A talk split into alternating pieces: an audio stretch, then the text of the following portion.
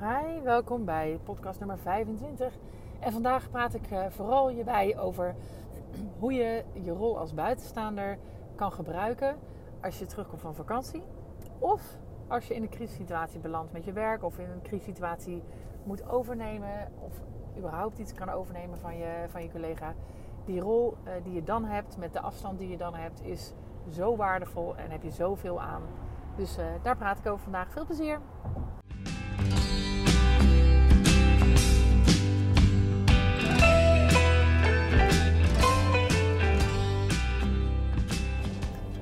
Welkom bij een nieuwe aflevering van mijn podcast. Vandaag ga ik je meenemen in hoe mijn start na de vakantie ging en hoe ik dat aanpak um, om snel overzicht te krijgen in een chaotische uh, situatie. En chaotisch in dit geval omdat we met vakantie waren, maar heel vaak uh, is het een situatie en daarom kan het misschien ook wel helpend zijn voor jou. Um, een, een chaotische situatie kan natuurlijk ook zijn als je in een crisissituatie binnenstapt of als je um, een hele drukke periode op je werk hebt en, uh, en je moet bijvoorbeeld iets overnemen van een collega. Of, ik gebruik deze manier um, eigenlijk heel erg om snel overzicht te krijgen en snel prioriteiten te kunnen stellen. Nou moet ik ook zeggen dat ik persoonlijk erg van de uh, crisissituaties ben geweest. In ieder geval in mijn vorige leven uh, in de zorg. Um, waar ik altijd feedback ook over kreeg van dat dat eigenlijk is waar ik goed in ben. Dus juist uh, binnenstappen binnen een situatie die iedereen spannend en moeilijk en eng vindt. Veel aan de hand, veel chaos, veel uh, emoties. En dan snel overzicht krijgen en weten wat je moet doen. En daar dan een lijn in maken. Ik ben vervolgens iets minder goed in het beheerstuk. He, want daar verliest het snel mijn aandacht. Maar juist in dit stuk uh, ben ik goed. Dus dat is ook leuk om dan, om dan te delen. Nou, en waar gaat het over? Um, in dit geval heb ik het dus toegepast op na de vakantie. En dat um, doe ik eigenlijk dus op, in drie stappen eigenlijk. Hè. Ik heb zien en voelen, dat is stap 1 en 2. En vervolgens uh, prioriteit stellen. En stap 4 is eigenlijk de planning, uh, planning daaraan toevoegen. Um, en planning is iets, uh, klinkt wat plat, maar dat zal ik zo even toelichten. Wat het allerbelangrijkste is als je, nou, of vanuit zo'n situatie van je bent weg geweest en je stapt opnieuw binnen. Of als je in een crisissituatie of in een nou ja, emotioneel geladen of uh, druk moment uh, binnenvalt of iets overneemt van een collega. Eerst wat belangrijk is, is zien, zelf zien en voelen. Dat zien en voelen, dat doe ik door enerzijds de, de sleutelfiguren te zien en, en ook tegelijk die mensen te voelen. En dan uh, bedoel ik dus, in mijn geval was het de leidinggevende op de verschillende locaties zien. Um, horen wat er speelt. En wat vaak gaan mensen natuurlijk gelijk, of in een crisissituatie, of als je zo terugkomt van een uh, vakantieperiode, gelijk um, vertellen wat er is. Of ze vertellen niet wat er is en je voelt dat er iets is. En dus uh, soms willen mensen je ook niet gelijk overladen met van allerlei narigheid of uh, gedoe. Dus wordt het een feitelijke overdracht of een feitelijke weergave van de, van de situatie. Maar voel je dat er iets gaande is? Nou, op het moment um, dat, dat je dus de eerste persoon ziet, verbind er nog niet gelijk conclusies aan. Ga gewoon zien en voelen. Dus geef jezelf ook echt de tijd. En ik heb mezelf natuurlijk nu korte tijd gegeven, omdat het bij mij over een vakantieperiode gaat. Maar in een crisissituatie deed ik het altijd wat anders. Dan nam ik daar wat langer de tijd voor. Dan uh, wou ik niet alleen ook de sleutelfiguren zien, maar wou ik meer mensen uh, zien en voelen en op meer plekken komen. Maar echt mensen nou, even spreken. Wat is er gaande? Wat doorvragen. Voelen wat er voor onderstroom is. Vooral je niet laten verleiden om al uitspraken te doen over allerlei dingen. Dus gewoon in je opnemen.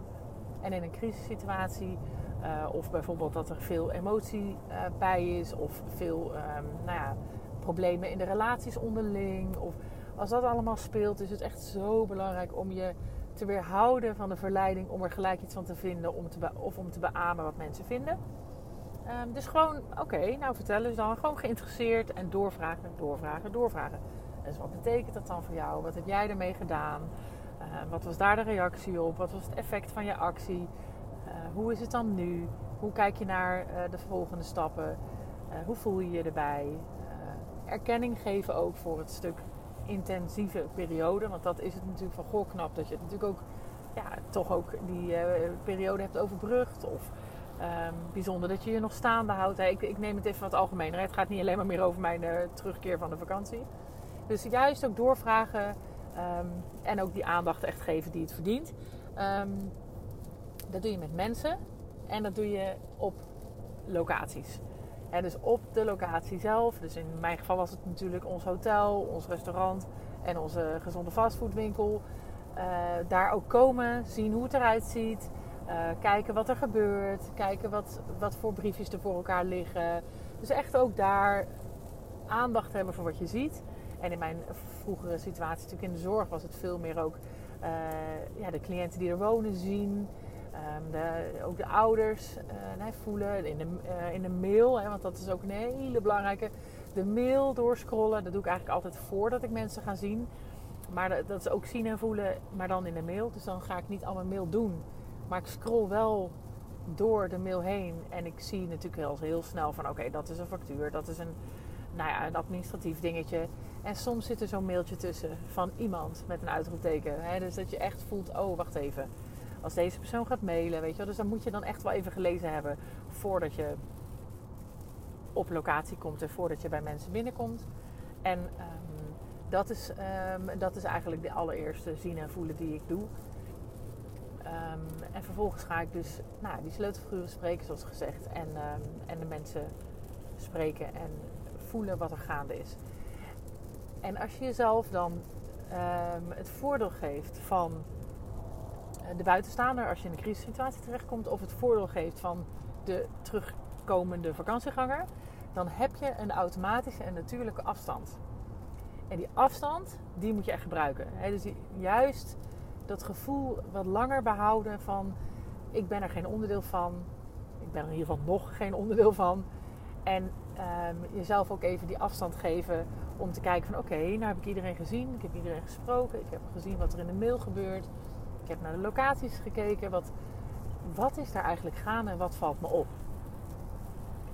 En dat voordeel van buitenstaander zijn of op afstand zijn heb je maar heel even. Kijk, natuurlijk is het iedereen zijn voornemen van een manager, van een ondernemer om um, met die helikopterview altijd te kunnen kijken en altijd genoeg afstand te hebben en goed voor jezelf te zorgen, waardoor je ook op die manier daarnaar kijkt. Maar laten we wel wezen, in de realiteit is dat vaak moeilijk. Maar als je van vakantie terugkomt of je komt als uh, ja, crisismanager zeg maar binnen, dan kan het wel. dan ben je dus juist wel die buitenstaander. En dat moment moet je echt even koesteren.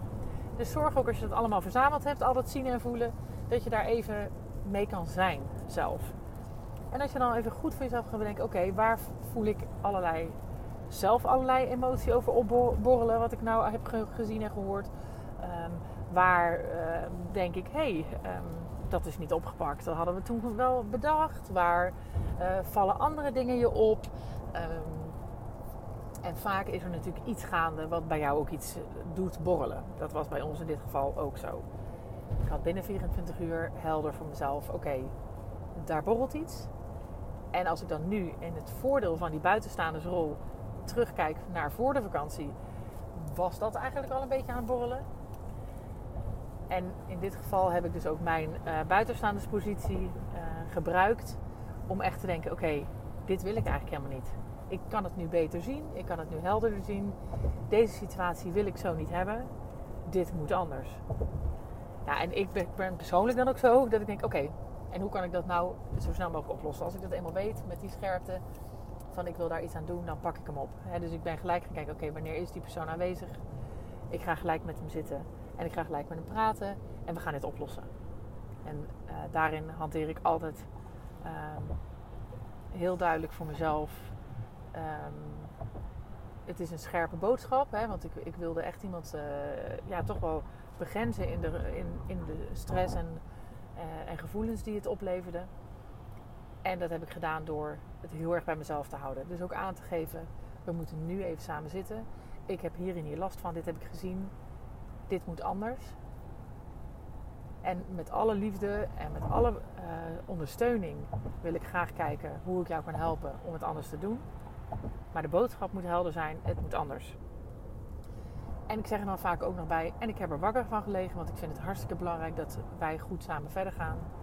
En ik vind het hartstikke belangrijk om samen met jou dit op te lossen.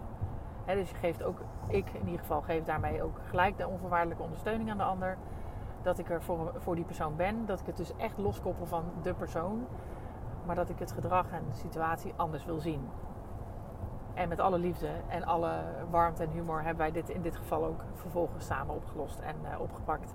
En is dat punt ook acuut van tafel. Het is bij mij, de borreling is weg. Bij alle andere mensen is de borreling weg. En de persoon waar het om gaat voelt zich hartstikke uh, ondersteund en, uh, en positief naar de toekomst. Dus dat was in dit geval hartstikke fijn. Maar goed, dat is dus zo'n um, zo'n onderwerp. Dat als dat als in jouw buitenstaande rol van terugkomen van vakantie of in een crisis binnenstappen. Als je merkt er is op, uh, op relationeel vlak iets gaande. Um, menselijk vlak. Ja, dat is eigenlijk bij mij altijd, altijd prioriteit nummer één. En dus dat moet gelijk op tafel komen. En het moet helder zijn wat je ermee wil. En dat moet niet doorsudderen.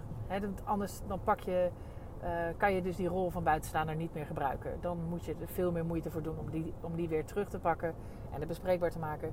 Dus bij mij is dat echt, um, nou ja, dat is bij mij altijd nummer één. Als die opgelost is, kunnen we weer verder. Nou goed, vervolgens uh, zitten we weer in het stukje, nou, je hebt gezien en gevoeld en je voelt van oké, uh, in je buitenstaandersrol, in je afstandsrol, van dit wil ik graag uh, aanpakken, dit is me opgevallen. dan ga ik het echt eh, voor mezelf ordenen. Meestal schrijf ik het niet op, maar in een crisissituatie deed ik dat eigenlijk altijd wel. Pardon. Dus dan ging ik altijd juist echt een uh, soort van de situatie beschrijven. Nou, dit valt me op, dit zie ik. En wist ik eigenlijk ook al door die ordening. En dit zijn de punten die het meest belangrijk zijn voor iedereen om als eerste op te pakken. En dan maak ik speerpunten van. En vervolgens ga ik dit bespreken met mensen.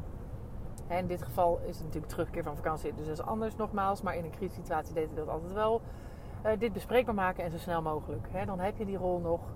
Um, en vervolgens ga je daarop acties uitzetten en de planning maken. Dus dat geeft je een, een leidraad voor de toekomst. Nou, en dat had ik in dit geval natuurlijk ook. Het was me wel ook helder van dit zijn echt prioriteiten. Dat stuk wat ik net noemde was prioriteit. Het stuk personeelstekort is prioriteit. Maar ook de beeldvorming over het personeelstekort uh, is prioriteit. Want we maken het veel zwaarder dan het is. Er zijn ontzettend veel mensen die nog bij ons willen werken. Laten we het ook weer luchtiger maken. Hè? Dat is ook wel een belangrijke die je natuurlijk uh, niet voelt als je er middenin zit. Want dan voelt het alleen maar super zwaar.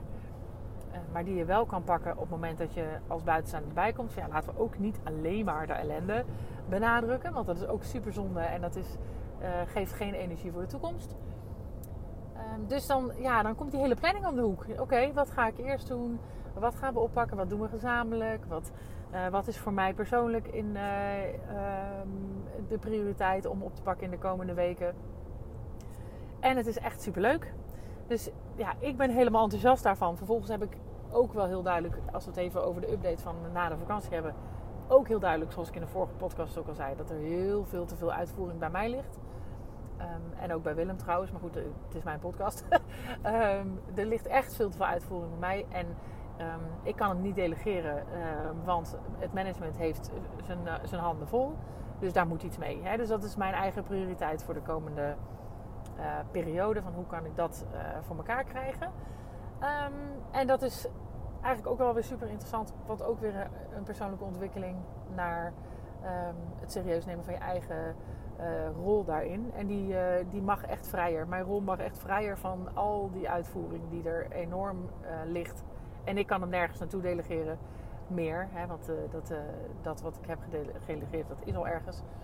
Dus een interessante voor de volgende ronde. Maar ik wilde deze heel graag even met je delen. Want ik denk dat het um, helpend kan zijn. Dus als je zo meteen terugkomt van vakantie. Om je, om je werk te ordenen. Maar het kan ook zeker helpen als je in een crisissituatie terechtkomt uh, op je werk. Of als je een soort van crisisachtige situatie overneemt van, uh, van een collega.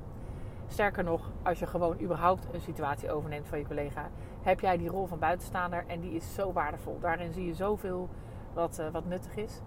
Dat zien overigens medewerkers die bij jou beginnen ook altijd. Hè? Dus dat is ook altijd een mooi moment om je medewerkers te vragen naar wat hun is opgevallen. Hè, wat, uh, dat is iets waar zoveel goud ligt. Want dat zie je niet meer als je onderdeel bent van het systeem. Afijn. Nou, wie weet, een mooie les voor na de vakantie. En eh, ik hoop dat je er wat aan hebt. Hey, tot de volgende keer.